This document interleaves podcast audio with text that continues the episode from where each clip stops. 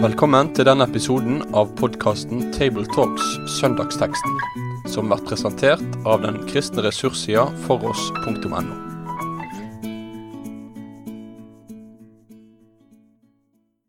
Hjertelig velkommen til en ny episode av eh, Tabletalks med samtale om søndagens tekst.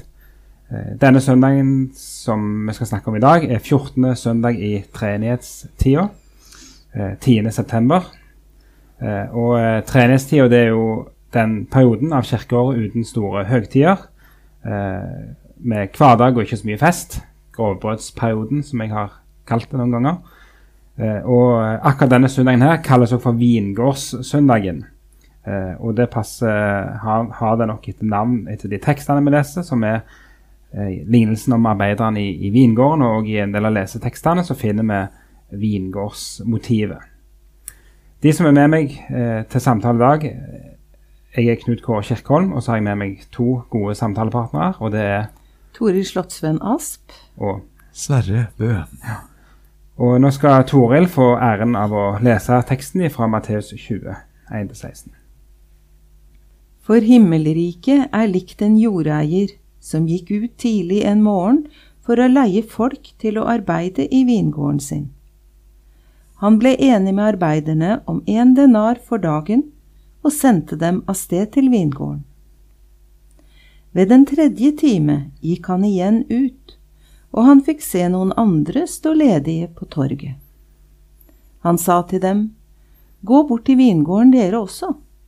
Jeg vil gi dere det som er rett. Og de gikk. Ved den sjette time og ved den niende time gikk han ut og gjorde det samme.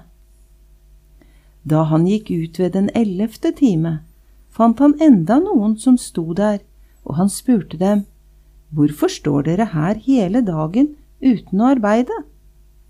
Fordi ingen har leid oss, svarte de. Han sa til dem, Gå bort til vingården dere også. Da kvelden kom, sa eieren av vingården til forvalteren, Rop inn arbeiderne og la dem få lønnen sin. Begynn med de siste og gå videre til de første. De som var leid ved den ellevte time, kom da og fikk én denar hver. Da de første kom fram, ventet de å få mer. Men de fikk også én denar. De tok imot den, men murret mot jordeieren og sa, De som kom sist, har arbeidet bare én time, og du stiller dem likt med oss, vi som har båret dagens byrde og i hete. Han vendte seg til en av dem og sa, Venn, jeg gjør deg ikke urett. Ble du ikke enig med meg om en denar? Ta ditt og gå. Men jeg vil gi ham som kom sist, det samme som deg. Har jeg ikke lov til å gjøre som jeg vil med det som er mitt? Eller ser du med onde øyne på at jeg er god? Slik skal de siste bli de første, og de første de siste. Denne teksten her står jo i en uh, sammenheng i Matteusevangeliet der, der Jesus akkurat har snakket med en rik ung mann og, og eh, ja, egentlig avslørt hans indre avguder og vist han en stengt eh, himmelport, strengt tatt, og, og sjokkert disiplene. Men eh, så slår det meg jo at sjokket er jo ikke større enn at eh, disiplene ganske raskt går over i, i lønnsforhandlinger og spør eh, liksom, vi som har forlatt alt, hva skal vi få? Eh, og Så svarer Jesus at de skal få mye, men så sier han da dette at de siste skal bli de første, og de første de siste. Og så, og så er vel lignelsen strengt tatt en forklaring på det, på det utsagnet. Eh, og hvordan eh, griper man en sånn tekst når vi skal, skal tale over den og, og, og tenke over den? Toril? Det ser jo i hvert fall ut som Jesus vil bruke denne lignelsen for kanskje å få disiplene sine til å forstå litt mer. Eh, og jeg tenkte at Hvis det ikke hadde vært kapittelinndeling her, eller overskrift, så hadde det blitt stående sånn. Men mange som er de første, skal bli de siste, og de siste skal bli de første. For himmelriket er likt en jordeier. Mm. Så han fortsetter på en måte og skal prøve å få disiplene til å forstå himmelsk logikk, tenker jeg. Og det er ikke enkelt. Nei, det er sant. For tankegangen og hjertelaget er så annerledes når vi har med Gud å gjøre, enn når vi har med hverandre å gjøre, og vår måte å resonnere på. Mm. Og tenke rettferdighet på. Det slo meg sjøl da jeg leste at eh, jeg spurte sånn Hvorfor blir de siste de første? Og da sa Herrens godhet. Og så jeg motsatt. Hvorfor ble de første de siste? Jo, for at de har ondt øye. De ser med onde øyne på at han er god. Og det ble egentlig ganske sånn ja, treffende, strengt tatt. Altså, det, det er jo en eh, Ja, hvor behagelig er det alltid å se Herrens godhet, for å si det sånn, da, for oss som er litt sånn prektige, småborgerlige, fromme kristne. Det er den som sitter igjen med. Men det som slo meg som veldig sterkt sånn jeg begynte å arbeide med teksten, det var at det ble så tydelig at eh, når Gud ser på oss, så gir han aldri lønn i forhold til vår arbeidskapasitet. Mm. Eller han gir aldri sin godhet i forhold til noe han vurderer av våre kvaliteter og våre evner. Og da blir det liksom en logisk brist inni oss når vi snakker om lønn, for det har med fortjeneste å gjøre. Men eh, så sier han, kan ikke jeg gjøre med mitt det jeg har lyst til? Nå har jeg lyst til å gi denne personen litt mer. Plager det deg, liksom? Mm, mm. Stemmer. Ja, Ja. helt sant. Tenk at Jesus faktisk sier at himmelriket er likt en virkelighet der Gud i sin godhet sprenger enhver forventet lønnstabell. Mm. Og himmelriket er likt et rike som bemannes av mennesker som er så råtne i sine innkrøkte og innadvendte holdning av min lønn og mine arbeidsforhold. Mm. Himmelriket er likt et rike med en god herre og mennesker som småkrangler om lønn og arbeidsforhold. Mm. Det sier noe til alle dem som ønsker å være kristne, men de vil ikke ha med kirken, med de kristne å gjøre, for de er ikke så bra som Jesus er. Mm. Eh, Vi skulle ikke si sånn. Jesus sier at Guds rike er et rike bemannet av folk som har så ymse og til dels dårlige motiver. Det er ikke en unnskyldning for at vi skal fortsette å tenke sånn, men det er en virkelighet som Gud kjenner. Det gjør også et inntrykk. Mm. Det er sant. Og så sier han jo også venn til den som fikk problemer med sine egne følelser og sin rettferdighetssans. Mm. Han sier venn. Og jeg tenkte på dette at en denar, som var en vanlig dagslønn, det var jo en sum penger som gjorde at vedkommende som jobba den dagen, fikk det han trengte. Jeg leste faktisk at det, syv kilo mjøl kunne du kjøpe for en dinar. Riktig. Ja, Så det er en god del, da. Men uh, du får absolutt det du trenger, og familien din og, og sånt for det. Mm. Men når en tenker det, at en dagslønn er det en trenger, som kanskje var en familiefar, Mm. så står altså noen og ikke unner de som ikke har klart å stå på så mye. Vi unner ikke dem å skulle få det de trenger, Mm. når de ikke har fortjent det. Det er veldig vanskelig å finne noe til forsvar for de sure menneskene som forventer mer lønn. Det er i grunnen ikke noe godt å si om dem, annet enn at de har å gjøre med en herre som er annerledes og god. Men så er det problemet at uh, vi fort kjenner oss igjen sjøl. Og da blir jo teksten ekstremt uh, rammende, da. Eh, nettopp fordi at eh, vi sjøl har i oss den der eh, tanken om fortjeneste. Jeg vet ikke om jeg får lov å skyte inn her, men en parallell som kanskje flere enn meg har tenkt på. I Lukas 15 hører vi om en god far og to brødre. Mm. Og vanligvis så snakker vi mest om den fortapte sønn, for der er det jo en happy ending. Mm. Men så er det denne sure storebroren, som har så lite av fars hjertelag. Som ikke finner bry med å være med i festen, og ikke deler fars glede, men går og surrer ute i mørket. Mm. For meg er den fortsettelsen blitt en utrolig sterk tekst. på det at jeg leser om en far som faktisk forlater festen og går ut i mørket for å oppsøke denne sure storebroren. Mm. Og så står det i den gamle oversettelsen han gikk ut og talte vennlig til ham. Mm. Vi kunne tenkt at han gikk ut og ga den storebroren en leksjon i hvordan man ikke oppfører seg i familiekretser. Men han gikk ut og talte vennlig til ham. Om ikke vi skal pushe oversettelsen så langt på vennlighet, så ser vi i hvert fall at fars hensikt er å få den surere storebroren inn på festen. Mm. Eh, sagt på en annen måte, Jesus vil ha alle. Han tar en ekstrarunde ut i mørket, også for å hente oss som har altfor mye av det der sure sinnelaget, for å bli med inn i den festen. Mm. Og vi kunne godt fortsette med å snakke om en profet som var så opptatt av lønns- og arbeidsforhold at han det ene øyeblikket holdt på å bli en, eh, en båtflyktning i Middelhavet, Mm. som ikke nådde Europa, Mm. men som havarerte og ble kasta i sjøen, men en fisk reddet ham. Og i neste omgang, når han likevel går, og budskapet skaper vekkelse i Ninive, så har Jonah mer enn nok med sin egen velferd å gjøre, Mm. og vil ha en behagelig stol i skyggen, hvor han kan se action utfolde seg med dom over de andre. Det er noe av det samme triste sinnelaget hos den sure storebroren i Lukas 15. Også disse arbeiderne som syns de skulle ha mer lønn.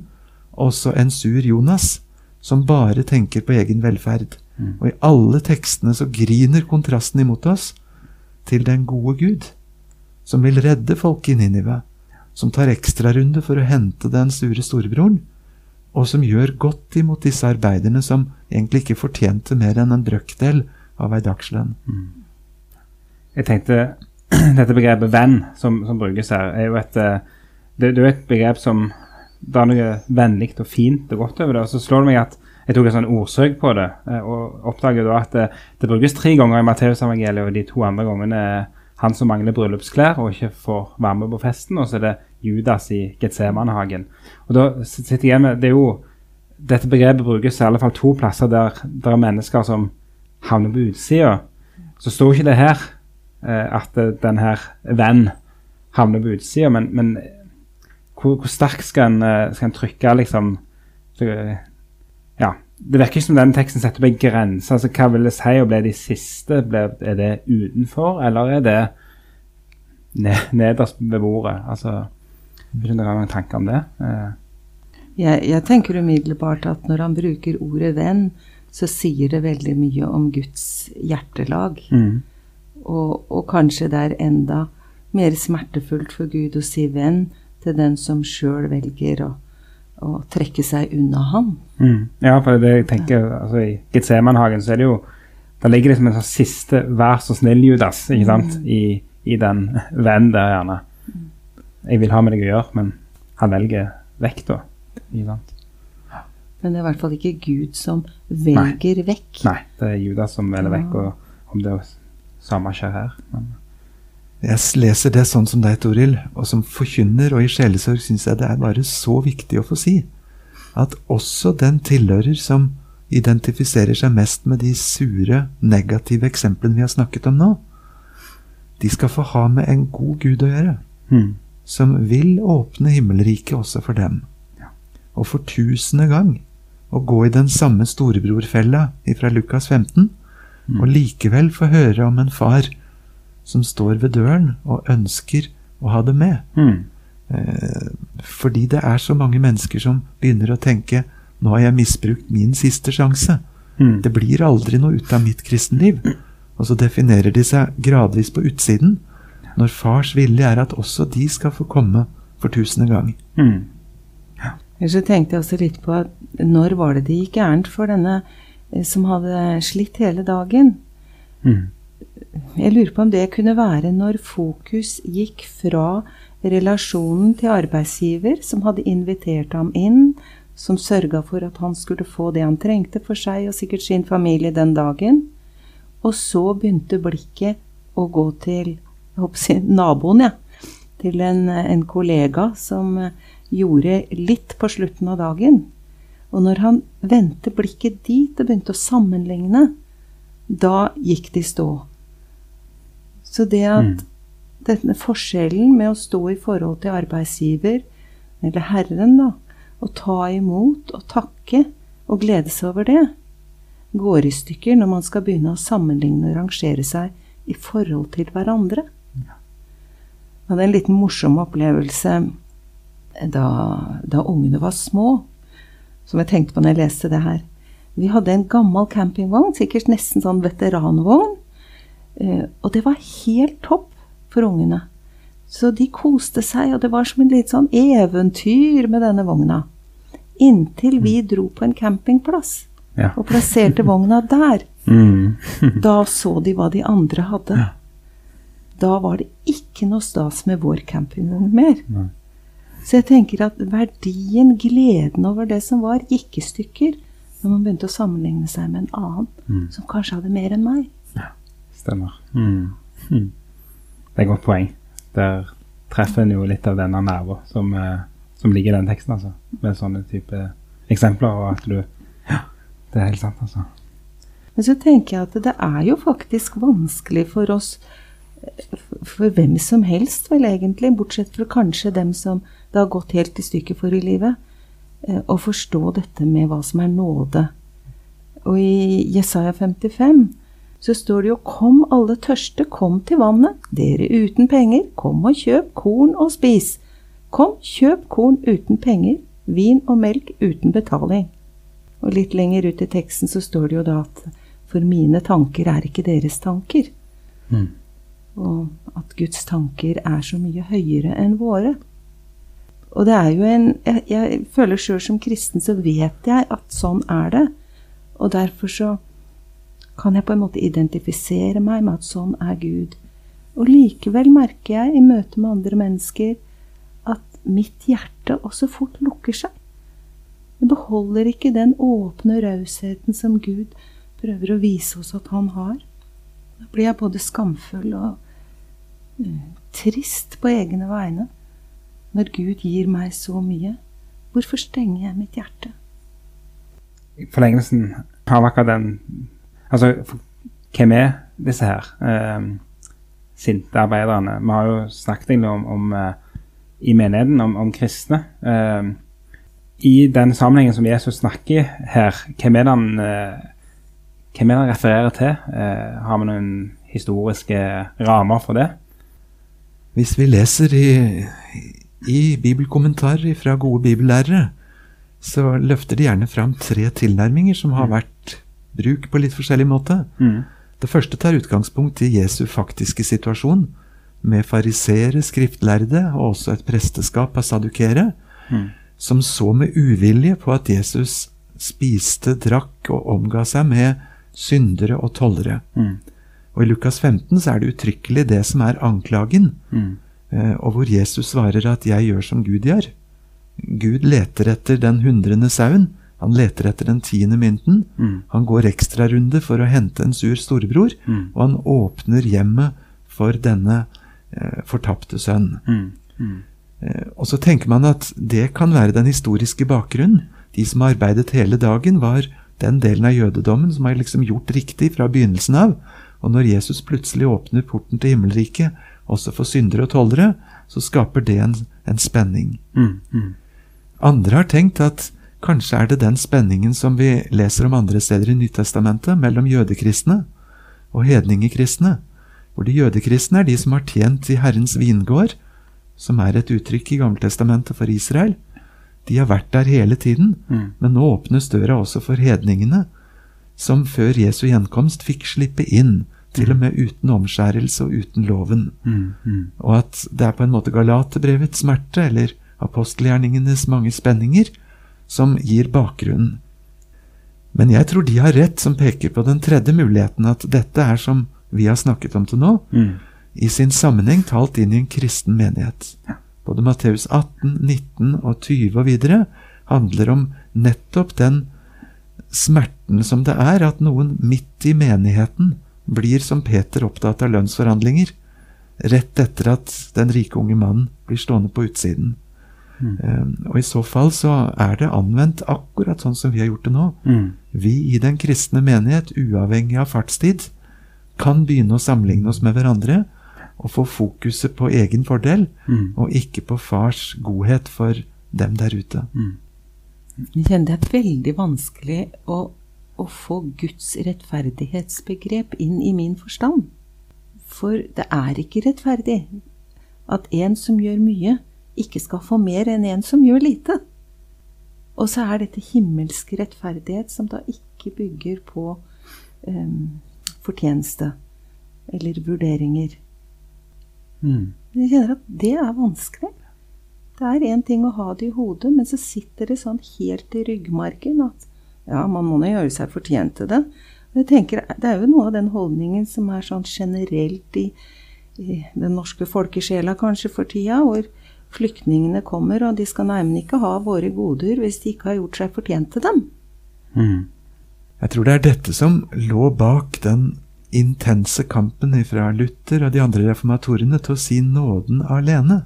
Mm. For med en gang det blir min rettferdighet, eh, og et samarbeid mellom min innsats og så litt Guds nåde på toppen, så går regnestykket helt til sammen. Mm. Og så hadde Luther opplevd hvor umulig det ble.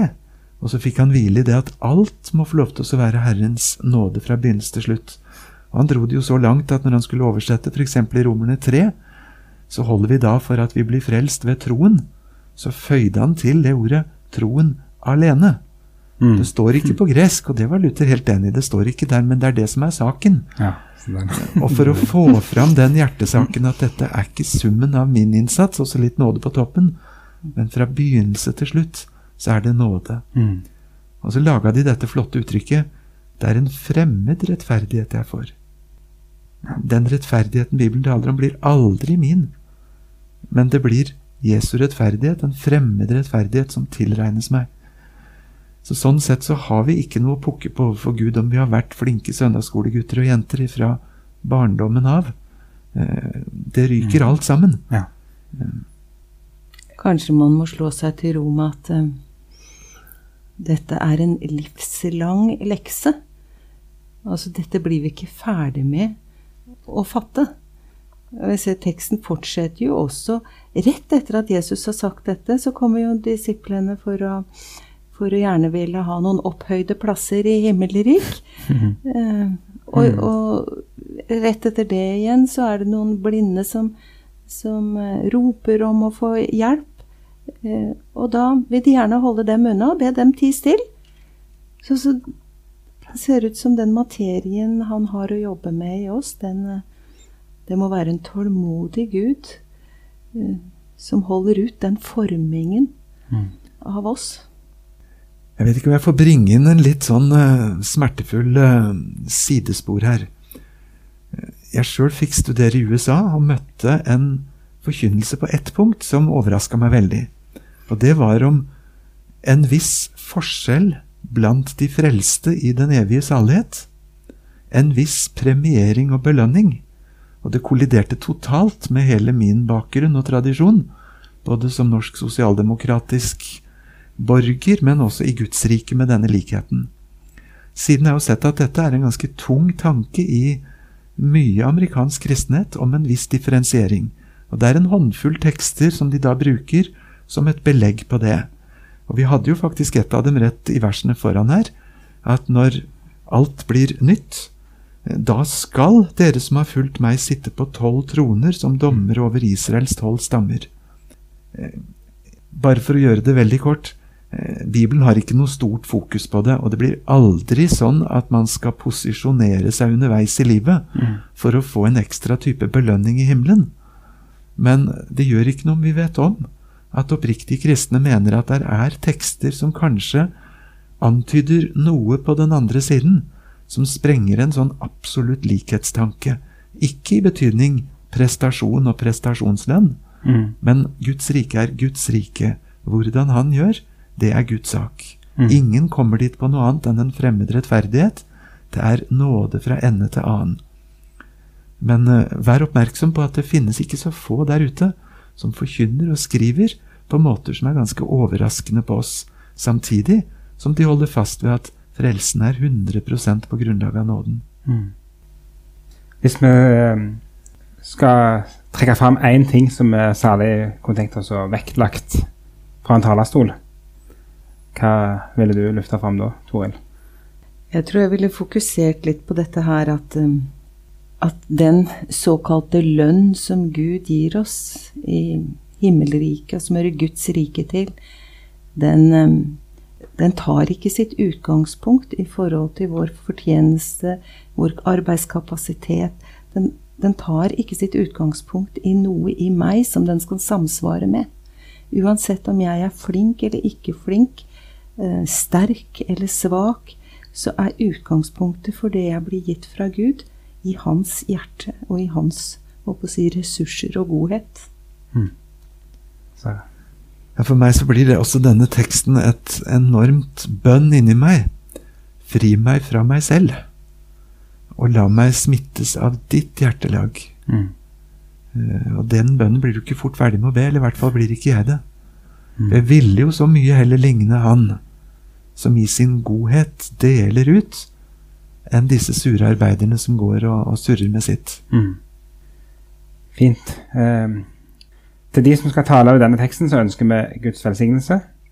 Uh, og så ønsker vi lyttere av uh, Tabletalks velkommen til å lytte til og framtidige episoder av Tabletalks søndagens tekst.